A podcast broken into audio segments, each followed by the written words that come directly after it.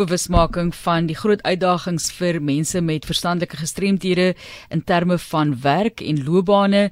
Career of Care Career Junction wil daarmee help. Ingrid die Jager wat met ons daaroor gesels, sy is van hierdie organisasie en ons fokus dan natuurlik ook op hierdie onderwerp. Dis later ook internasionale dag vir persone met gestremthede. Dis later in hierdie week wat dit gevier word of herdenk word en soos Johan ook sê dan Giving Tuesday. Ingrid, die groot krisis vir mense met gestremthede en dan spesifiek mense met verstandelike gestremthede is baie groot as dit kom by geld genereer vir hulle self om hulle self te onderhou en onafhanklik te wees? O oh, ja, goeiemiddag julle. Baie dankie vir die geleentheid om 'n bietjie met julle te gesels. Dit is regtig 'n voorreg. Ja, so post-COVID soos hulle in Engels sê of na die COVID inpakkings is die alle probleme nog 'n bietjie erger. So as daar 'n probleem voor die tyd was, is dit so definitief erger nou na die tyd. En jy weet op hierdie tydstip ons um, ons mark wat ons na merk is 18 tot 35. Die suicide syfer vir my groep is oor die 40% nou.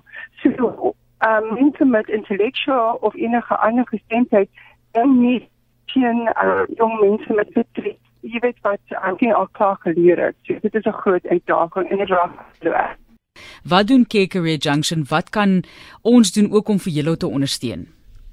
Okay, Career Connection is eintlik uniek in een opsig dat dit baie individueel is en dit kyk na um die persoon as 'n individueel. So uh, jy seker nie 'n hartkapster want jy wou nie 'n hartkapster word nie. Okay, so ons um, ons in 'n omvattende loop um loopbaan op, oplossing wat kyk na die individueel, wat sy sterkpunte is en wat hy wil doen en dan kyk ons na die uitdagings om dit te bereik. So ek sê ons is dream catchers. Jy weet hulle te droom en ons moet dit vertaal in iets wat hulle um wel kan doen. So um dis dis baie wat wat is individueel maar ons um, doen ondersteuning rehabilitasie en dienste. Um so dit is nie 'n 'n gemaakte pos nie. Baie mense miskien 'n werk kundige het 'n groot set van by um skoonmakers by maar miskien het ons ouetjie wat mal is oor poskarre en sal baie graag in so 'n um situasie wil werk. En dan lei ons hom op ons um doen die werk self um, en dan kry die baas 'n opgeleide persoon wat eie um hulpbronne nie hoef um op te lei nie so dit is 'n bietjie anders as um ander mense ons is nou 6 jaar aan die gang 10 jaar as jy nou COVID nou in die storie vat. Maar ons ehm um, ons doen ehm um, baie ehm um, beroepskeuse is baie belangrik vir ons. En dan natuurlik uh, na na COVID in die hoog ehm um, uh werkloosheid syfer het ons begin aan entrepreneur skills te doen. Nou daar is nie Afrikaans, jy my reg help wat ek is Engels, maar is daar 'n mooi woord vir entrepreneur? Uh, maar ons so, ons werk nou baie meer op wat hulle tuis kan doen om geld ook in te samel. So, terwyl ons hulle werk soek in die, in hulle eie gemeenskap, het hulle vaardighede wat hulle by die huis kan doen om 'n ekstra uh, inkomste te kan um, doen.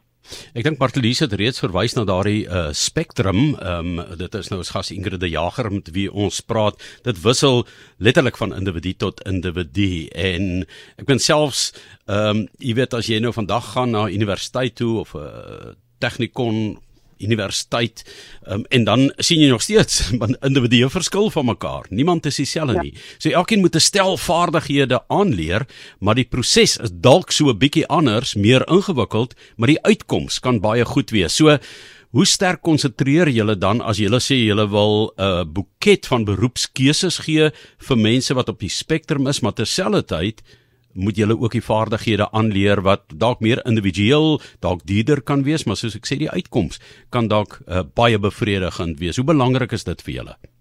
Ja, die die eerste gedeelte van ons opleiding is die vaardigheidsontwikkelings um, gedeelte waar ons by hulle professionele ehm um, vaardigheid leer wat hulle gaan veilig in die, in die samelewing. So hoe praat jy met jou baas? Wat is jou menseregte? Het jy 'n prokureur nodig? Ehm um, wat moet jy in jou werk handsak vat?